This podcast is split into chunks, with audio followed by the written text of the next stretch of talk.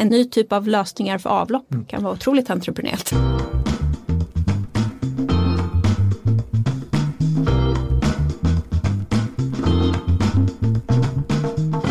Hon har företagandet i blodet och hon startade eget mitt under internetboomen. Men hennes mesta kunskaper kommer från att ha arbetat med andra entreprenörer.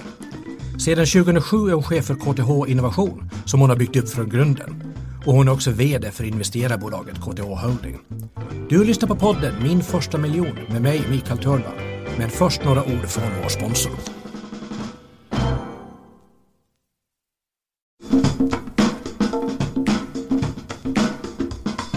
Välkommen hit Lisa Eriksson. Tack. Ja, du sa till mig innan programmet att du tycker att ordet entreprenör används lite för ofta ibland. Så vad menar du med entreprenör? En entreprenör det är någon som identifierar möjligheter på marknaden och skaffar fram nödvändiga resurser för att exekvera på dessa möjligheter. Det finns lite olika vedertagna definitioner och den som ligger mig varmast om hjärtat är den som en forskare som heter Schumpeter har tagit fram. Han pratar om kreativ förstörelse, någon som går in och rör om i befintliga marknader eller skapar helt nya med hjälp av mer disruptiva affärsidéer. Bra exempel på detta kan vara exempelvis det kan vara Spotify, Uber eller Airbnb. Eh, nyckelordet är just att man exekverar på på nya möjligheter. Så det räcker inte med att ha en bra idé, man ska kunna göra någonting av den också? Absolut, mm. absolut. Och det handlar om, det finns väldigt mycket företagande som är ja, traditionellt småföretagande men som kanske inte är så mycket nytt. Utan att man, man startar en bokhandel till eller en frisörsalong till. Liksom. Och det kanske inte alltid är definitionsmässigt entreprenörskap mm. på det sättet som vi du jobbar ju mycket med eh, tekniker och forskare också. Är det en skillnad på innovatör och entreprenör? Um, Ja, jag, jag, skulle nog säga att det är en skillnad eh, även om de går väldigt mycket hand i hand. Vi, som sagt var, verksamheten jag leder heter ju KTH Innovation. Och när man definierar en innovation så handlar det om att man har, eh, man har hittat en, en lösning på ett, ett faktiskt problem som skapar ett värde på en marknad. Vilket betyder att man, det är inte bara en uppfinning utan att man istället har tagit idén, realiserat den och sett till att det skapar värde på en marknad. Men för att skapa det här värdeskapandet och kanske göra det till ett, ett, ett större värdeskapande så behövs oftast kompletteras de här innovatörerna med entreprenörer. Och där jobbar vi med att rekrytera in entreprenörer till de här teamen som vi stöder på KTH. Mm. Eh, och ofta när man läser om entreprenörer så är det ju ganska häftiga grejer. Det är balla techbolag och det är hippa restauranger. Men kan man vara entreprenör i en riktigt tråkig bransch? Absolut. Entreprenörskap har absolut ingenting att göra med vare sig hippt eller coolt. Eh, det krävs att du agerar och exekverar på alla nya möjligheter. Ehm, och det är klart att alla som också hänger på alla event och ställer upp på allting, det är inte alltid de klarar av den här exekveringsparten. Eh, så att jag, jag, tycker absolut inte att man behöver känna att för att man är inom en bransch som är tråkig så, så, eller upplevs eller uppfattas som tråkig så att man inte är en entreprenör. Utan det här, identifiera möjligheter kan vara allt inom det ny typ av lösningar för avlopp mm. kan vara otroligt entreprenöriellt. Ja, vi har Ingvar Kamprad som sålde möbler. Ja, ja men absolut. Mm. Eh, men eh, så innan vi fortsätter prata om just entreprenörer tänkte jag göra lite mer om din verksamhet. Kan du berätta lite mer vad är KTH Innovation? KTH Innovation, vi är en del av KTH så att vi är eh, en del av ja, universitetet. Eh, vi stödjer forskare, studenter och anställda med innovationsutveckling. Eh, vi jobbar i väldigt tidig fas. Eh, så att det är, är oftast ja, oftast kanske på labbet forskarna har sett någonting som det här kan vara av intresse. Då kontaktar de oss och så hjälper vi dem att verifiera den här idén, det här forskningsresultatet. Är det intressant? Möter det ett konkret kundbehov där ute? Eh, går det att skala upp? För att det är ju en ganska viktig del i det här att ta tidiga resultat till marknaden. Att, att göra det i labbet en gång är inte särskilt svårt men att visa på att det här, den här teknologin eller det här resultatet fungerar i en vad man kallar relevant environment, alltså ute hos en kund. Och det kan ju behövas att man tar det från labbet, visar att jag kan producera 10 enheter, jag kan producera 100 enheter, jag kan producera 100 000 enheter. Då kanske. Det är det som är det, liksom, svåra. Det är, det är det som är det svåra och det är det att, att liksom, eh, överbrygga det gapet vi jobbar med. Eh, och det handlar både på tekniksidan och marknadssidan. Det är ju inte alltid marknaden är där ännu. Det kan ju hända att det här är inte ett problem på marknaden nu men allting tyder på att det kommer vara det om fem år. Men ni har alltså då företag alltså där ni skapar en marknad med en helt ny Ja, typ i, i, i, vissa fall så är det ju så. Vi jobbar ju, KTH är ju Sveriges största tekniska högskola och vi har ju väldigt mycket forskning och utbildning där man jobbar med det som är framtidens teknik. Det är ju mycket kring AI, machine learning och, och så och där gäller det ju också att bygga för för framtiden. Mm. Och vad är, om du ska nämna de största succéerna? Um, Ja, om man tittar på, på bolag som jag tror att många känner till så finns exempelvis eh, Volumental har startat genom oss. För Robotics som den här sociala roboten som säkert många känner till har också startat genom våra processer. Vi har ett bolag som heter Manomotion som handlar om, om eh, att använda händerna för att interagera i VR-miljöer och AR exempelvis. Eh, ett bolag som heter AirMe har också startat genom oss. Så det, det, är en mängd. Totalt har ungefär 230 bolag startats de senaste tio åren. Så och hur många människor många. jobbar i de bolagen? Det är lite svårt, många är ju fortfarande ganska tidig fas och, och, det kan ju för väldigt tekniktunga bolag så kan det ju ta en 7-8 år innan det liksom når den stora marknaden. Men vi ser att många av de här bolagen som jag nämnde nu exempelvis, där brukar det ligga någonstans kanske runt 25-30 så det är ett antal tusen människor idag som jobbar i bolag som har, kommer från er? Det är det absolut. Mm. Mm. Om du tittar på dig själv, du har jobbat väldigt länge med företagande med entreprenörer, du har själv startat bolag. Vad skapade ditt intresse från början? Ja, alltså jag har nog alltid gillat att påverka och skapa något nytt. Sen hade jag ju turen och förmånen att hamna på KTH väldigt tidigt i min karriär. För Det är en väldigt rolig miljö att vara i. Um, och att gå in i en alltför etablerad verksamhet och förvalta något har aldrig lockat mig. Och redan under studietiden när jag läste på ekonomlinjen i mitten på 90-talet så valde jag att fokusera på entreprenörskap. Jag skrev uppsatser om det och så vidare.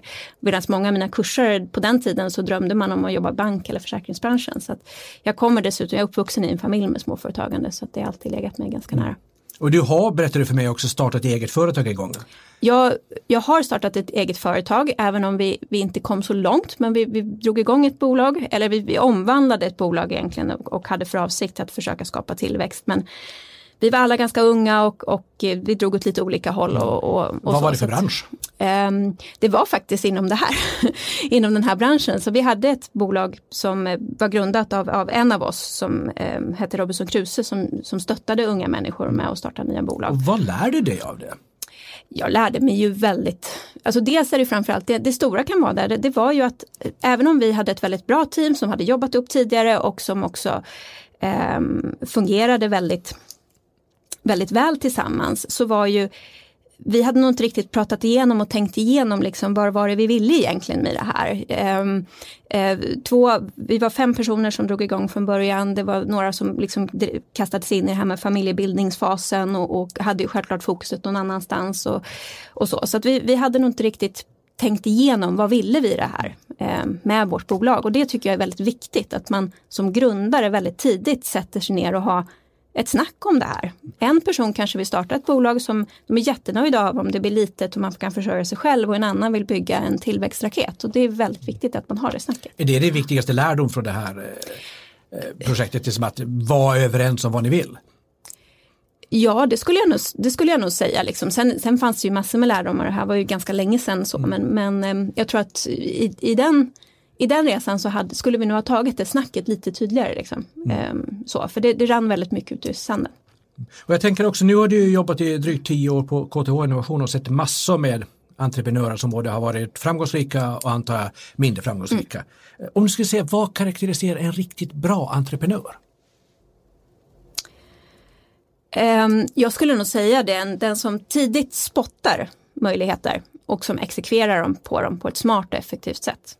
Och det är just den här exekveringen som jag tycker är så viktig. Det finns jättemånga som spottar ut sig idéer hela tiden. Så. Men, men det handlar om att exekvera på dem, att göra någonting åt och visa på det. Men om vi tittar på de riktigt lyckade entreprenörer. Vi har Ingvar, Ingvar Kamprad i Sverige som är, är väl vår största mm. entreprenörshjälte. Vi har Steve Jobs och Elon Musk i USA. Vad har de här superentreprenörerna gemensamt? Ja, alltså nu känner inte jag någon av dem. Men eh, jag skulle ändå säga att eh, de verkar ha en, vara extremt envisa, eh, visa på extremt uthållighet och visionära och en förmåga att tänka stort. Mycket större, större än vad många av deras konkurrenter har gjort. Så det skulle jag nog säga är väldigt liksom, kännetecknande för dem alla. Mm. Men du ser ju också exekvering, för jag får en känsla när man tittar på den här typen av bolag att eh, det är liksom en fantastisk exekvering och en enorm fokus mm. på detaljer hos mm. de här. Mm. Stämmer det? Ja, alltså det skulle jag hålla med om. Jag tror ju som Ingvar Kamprad också från början, alltså han, ville ju, han skulle ju inte bara möblera Sverige, han skulle möblera världen. Det var väldigt tidigt liksom en, en tydlig plan för, för de här. Att de, de tänker stort, liksom. Elon Musk, han räcker, det, det är inte bara erövra liksom, ja, jorden utan mm. det handlar ju också om, om rymden och, och, och, så. Så jag, jag, tror att de har en förmåga att tänka väldigt, väldigt stort och mm. också mm. exekvera och kunna liksom dra in den typen av kapital för att också, som krävs för att kunna liksom realisera de här. Men vad är det som gör sen att de inte bara tänker stort, för det är många som mm. gör det, mm. utan faktiskt också lyckas bygga stort?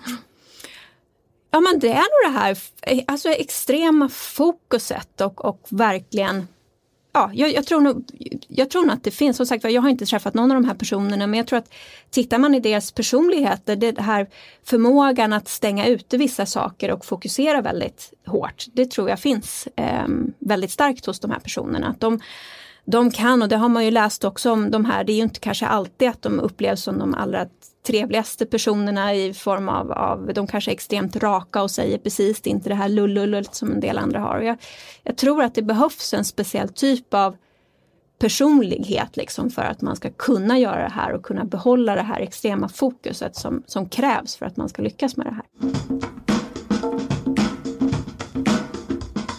Innan vi går vidare så vill jag att du svarar på tre snabba frågor. Mm. Och först, nämn den entreprenör som du är mest imponerad av. Jag är väldigt imponerad av eh, eh, Stina Ehrensvärd som grundat bolaget Ubico. En svensk som har lyckats väldigt väl med sitt bolag inom säkerhetsprodukter och nu tar över världen. Mm. Eh, och vad gör du när du inte tänker på entreprenörer och vill koppla av? Då spenderar jag tid med familjen och en hund. Mm. Och om du skulle investera en miljon av dina egna pengar i något bolag, vilket mm. skulle det bli? Alltså den där frågan är ju lite känslig när man sitter som jag gör och ja, investerar liksom i teknik som kommer från KTH och allting är självklart intressant. Men skulle jag satsa mina egna pengar så skulle jag välja någonting där jag själv ser finns ett väldigt stort behov och ett stort intresse. Och där tycker jag just utifrån hur vi, världen, eh, vi behöver bli bättre på att, att eh, försörja den växande befolkningen med mat. Och jag tycker det som kommer upp nu inom foodtech är väldigt intressant. Så mm. där skulle jag välja att satsa mina pengar. Och nu tänkte jag att vi ska försöka förstå lite mera bakom framgången hos entreprenörerna. Mm. Men först, om du ska vara helt ärlig, hur mycket av en riktigt framgångsrikt företagande är skicklighet, hur mycket envishet och hur mycket ren tur? Jag skulle nog säga att envishet är det allra viktigaste. Eh, det gäller att inte ge upp och försöka om och om igen. Men det är klart att utan skicklighet och en viss mått av tur så tror inte jag att man kommer så, så långt. Men envisheten, där ser vi, jag, jag ser så otroligt många, för det tar tid. Allting tar alltid mycket längre tid än vad man tror. Och då behöver man vara envis. Man hör ju ibland också det här att lite peptalk att om man bara vill så kan man och det enda som står emellan mig och min framgång är att jag själv tvekar eller någonting i den stilen. Men är det verkligen så? Kommer man att lyckas bara för att man vill lyckas?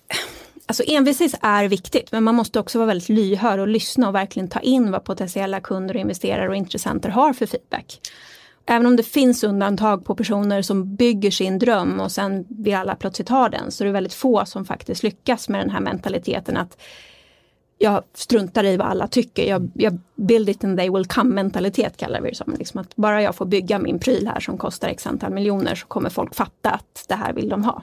Men det är väldigt sällan det, det funkar. Så jag, jag, tror att den här lyhördheten är väldigt viktig och att man mm. tar in faktiskt marknaden och, och vad kunder och investerare tycker och tänker. Har du sett riktigt duktiga personer som haft riktigt bra idéer misslyckas?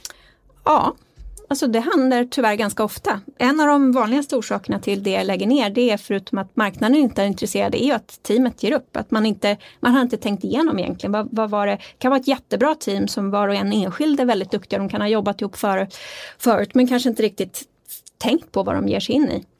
Eh, timingen är också väldigt viktig. Eh, det, ja, så det är många saker som ska falla på plats. Men sen är det ju så här också att eh, riktigt duktiga entreprenörer ändå kan ha sina begränsningar. Alltså, alla kan ju inte mm. ta ett bolag från 100 till 10 000 anställda. Och hur ska man veta när är det dags att lämna över vederskapet? Den är jättesvår den frågan faktiskt och det är någonting som också de flesta entreprenörer faktiskt någon, någon gång i sin karriär måste möta. Eh, det beror ju också på, har du grundat ett bolag som du äger själv eh, helt och hållet eller har du också tagit in riskkapital? Har du tagit in riskkapital då är det oftare den frågan kommer upp mycket tidigare på bordet. Och där kan det ju vara så att du måste ju för som entreprenör så måste du också skifta mellan olika perspektiv. Du är grundare, du kanske anställer bolaget i bolaget och också styrelseledamot. Och i styrelsen då måste du hela tiden jobba för vad är det bästa för bolaget? Vad behöver bolaget för kompetenser? Och där kan det ju vara så att bolaget har behov av en VD med en kompetens som du inte har. Och där kan det vara så att det faktiskt är det allra bästa för bolaget är att du kliver åt sidan och låter någon annan komma in. Blir det ofta konflikter i det fallet mellan ägare och grundare? Ja det skulle jag nog säga att för det, det, ja, det är ju mänskligt ändå. Det handlar ju om väldigt mycket självinsikt och, och ödmjukhet att, att inse det här. Men, men det är klart att det är någonting som jag tror många, många bolag att det kan bli konflikter kring. Och, um, ja, sen, sen är det ju så i vissa fall så vi har ju sett också många entreprenörer som faktiskt lyckas växa in i rollen också, växer tillsammans med bolaget och, och blir den som är det bästa för bolaget. Så det är absolut inte så att alltid grundar måste kliva åt sidan. Mm.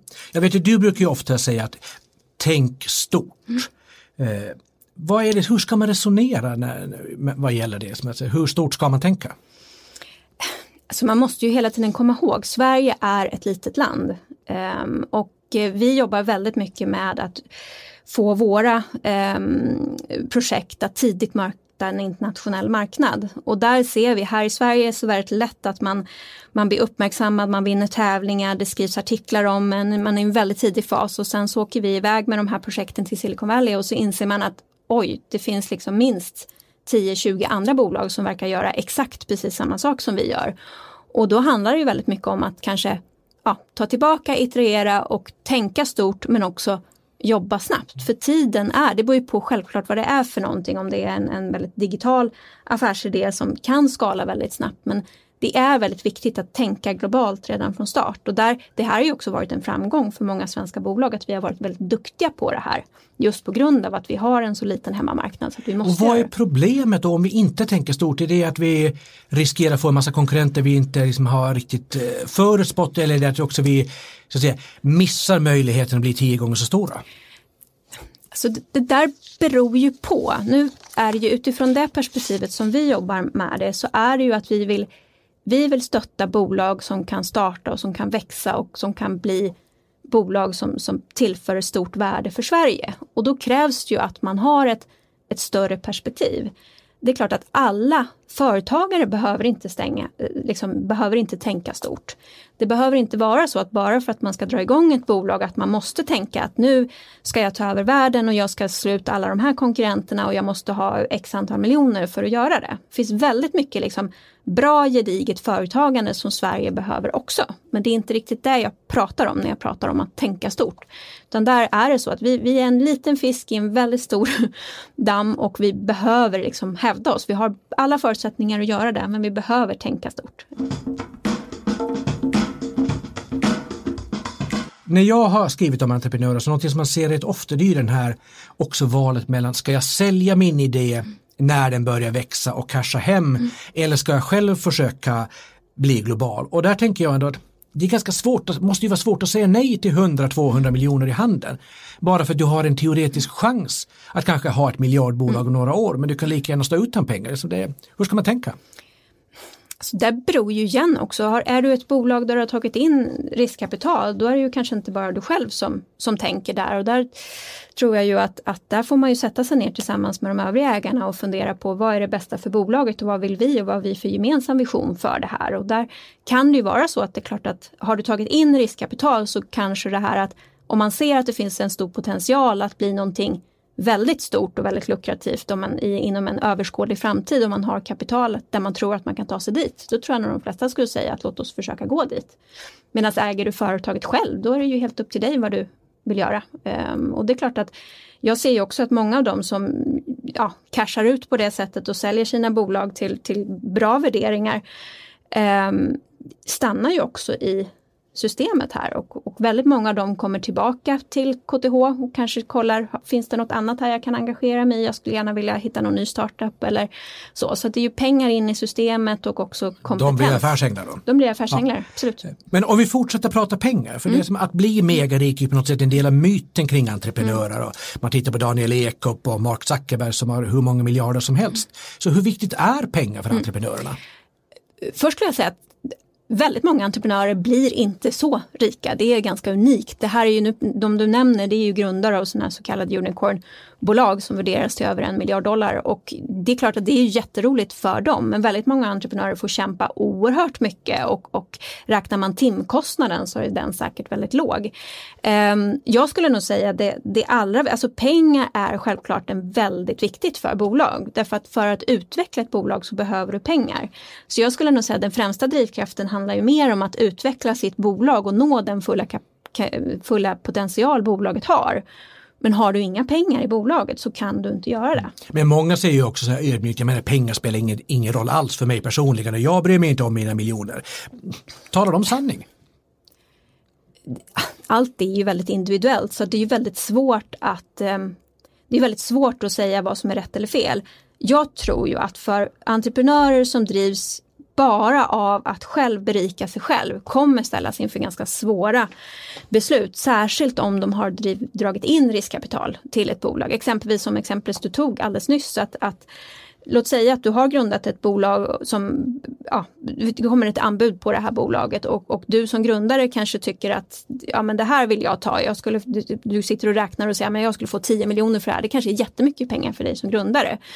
Men har du någon gång också valt att tagit in riskkapital så är det ju också vad, de, vad investerarna, vad vill de med det här? Och de kanske vill att ni ska istället fortsätta fyra år till och försöka liksom De vill bygga. ta högre risk. De vill ta högre risk än vad du kan göra som privatperson och då, då kommer du ju få ett dilemma. Mm. Så att jag, jag, tror att det här är, är väldigt individuellt men, men jag tror att, att helt säga att, att det saknar betydelse det tror jag är väldigt mm. svårt. Liksom. Jag tänkte kort också om så personlig risk för där har man också väldigt mycket mm. olika. En del säger att var väldigt noga med att inte belåna precis allting du har och andra berättar gladeligen hur de som fanns inte möjlighet för dem att de skulle misslyckas för då skulle de gå i personlig konkurs. Vad är liksom den rätta balansen där med hur mycket av mina egna pengar ska jag riska? Alltså jag tycker inte att det är vettigt att man riskar allt, men man måste vara beredd att riska väldigt mycket. Ehm, jag tycker alltid, en, en diskussion som vi har ganska ofta, det är att man måste absolut vara beredd att riskera en alternativ inkomst. En del går in i det här företagandet med att man, in, man, man tror att ja men om jag som är disputerad inom det här området eller jag är en civilingenjör inom det här. Går jag ut och tar ett jobb på Telia så får jag den här lönen. Och sen när man startar sitt bolag så vill man liksom ha samma lön. Så. Och då har man liksom tappat en stor del av poängen. Ehm, det viktiga är ju att du bygger ett värde i ditt bolag. Och vid en eventuell exit så kommer du förhoppningsvis att berikas. Um, och det fina med att driva bolag i Sverige är också att vi har så otroligt mycket bättre socialt skyddsnät än vad man har i många andra länder, exempelvis USA. Du har alltid rätt till vård, skola och omsorg så att du, man kan ta hög risk här men att riska allt det tycker mm. inte jag. så lägre lön får man stå ut med men att belåna villan över, och riskera att flytta det ska man ja, inte göra. Absolut. Ja. Eh, vi ska strax prata lite mer om det här innovationsklimatet men jag tänkte först ska du också få ge dina tre bästa tips till en blivande entreprenör. Ehm, jag tror att det allra första det är att verkligen hitta ett område som man känner att det här, det här engagerar mig, det här är jag intresserad av. Ehm, jag tror också att ett annat fall skulle vara att, att hitta ett team. Ehm, att verkligen leta efter personer som kompletterar dig och som är det rätta för eh, din affärsidé. Och sen så den tredje det är att tänk stort. Som vi sa tidigare, att tänk, tänk större än Sveriges gränser och, och globalt och också se hur kan, ja, fundera igenom väldigt noga, hur kan du liksom komma, ja, vad kan du göra för att nå dit? Liksom? Mm. Just det. Men jag tänkte också att vi ska hinna med lite kort om vad Sverige som nation kan göra. Mm. Eh, för det är ändå ingen överdrift att vi är en extremt framgångsrik entreprenörsnation. Vi har skapat företag som Ikea, Ericsson, Spotify, Klarna, kan hålla på hur länge som helst med den listan. Eh, först, har du någon fundering på varför är vi så duktiga med bara 10 miljoner invånare? Ja, um, alltså det är precis som du säger, Sverige har ju en lång historia av att starta och driva företag, exempelvis Ericsson, Tetra Pak och de här som du precis nämnde här. Uh, vi, historiskt har vi haft väldigt starka band mellan industri, arbetarrörelse och politik som tillsammans har byggt Sverige. Ehm, senaste åren så har vi också visat oss väldigt bra på att bygga sådana digitala eh, innovationer och skalbara bolag som exempelvis Klarna och Spotify och så vidare. Jag tror att tittar man på de senaste, eller de investeringar som gjordes där i slutet på 90-talet, Sverige investerade väldigt tidigt i utbyggnad av infrastruktur eh, alltså bredband och så vidare. Den här persondatorreformen också gjorde, ledde ju till att väldigt många människor faktiskt hade en dator Alltså att hemma. familjer kunde köpa Precis, PC att familjer, billigt. kunde, ja, att familjer kunde köpa PC billigt. Vilket har gjort att den generation som har växt upp och som också har startat många av de här digitala bolagen har haft väldigt, väldigt bra internetaccess och, och tillgång till datorer. Och det tror jag har varit en väldigt stor förutsättning för att vi har kunnat se allt det här.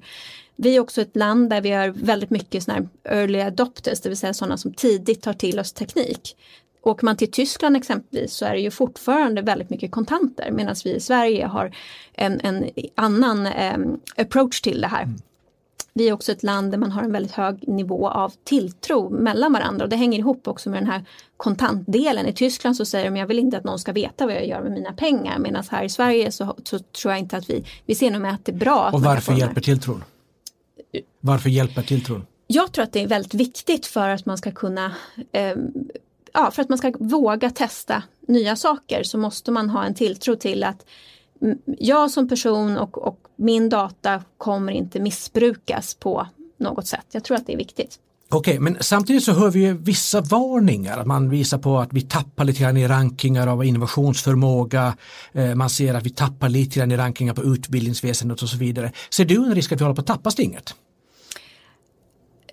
Så självfallet är det väldigt viktigt att vi fortsätter satsa och ut, eh, satsa mer resurser på precis de här områdena som du nämner. Men utifrån innovationsintresset så ser jag inget tapp alls. Nu sitter jag ju på Kungliga Tekniska Högskolan, ett stenkast från Stureplan, det är i Stockholm som är en entreprenörshubb. Vi ser inte, vi ser snarare ett ökat intresse för innovation och entreprenörskap. Vi har aldrig fått in lika många idéer som vi har fått hittills i år. Men det är klart att världsläget på längre sikt oroar och det, det finns ju sådana saker som, som Brexit, eh, saker som händer i USA och Kina som kommer påverka oss. Och det är väldigt viktigt att, att vi tar de här sakerna på, på allvar. Och jag tror att just det här att Sverige har vunnit väldigt mycket med att, att ligga i framkant. Och vad vi ser nu är ju också att väldigt många av de här andra länderna har insett att de behöver göra stora satsningar och gör det också. Så om du skulle få ge tre önskemål till politiker och till näringslivet och kanske till utbildningsväsendet för att vi skulle fortsätta vara en ledande entreprenörsnation, vad är det?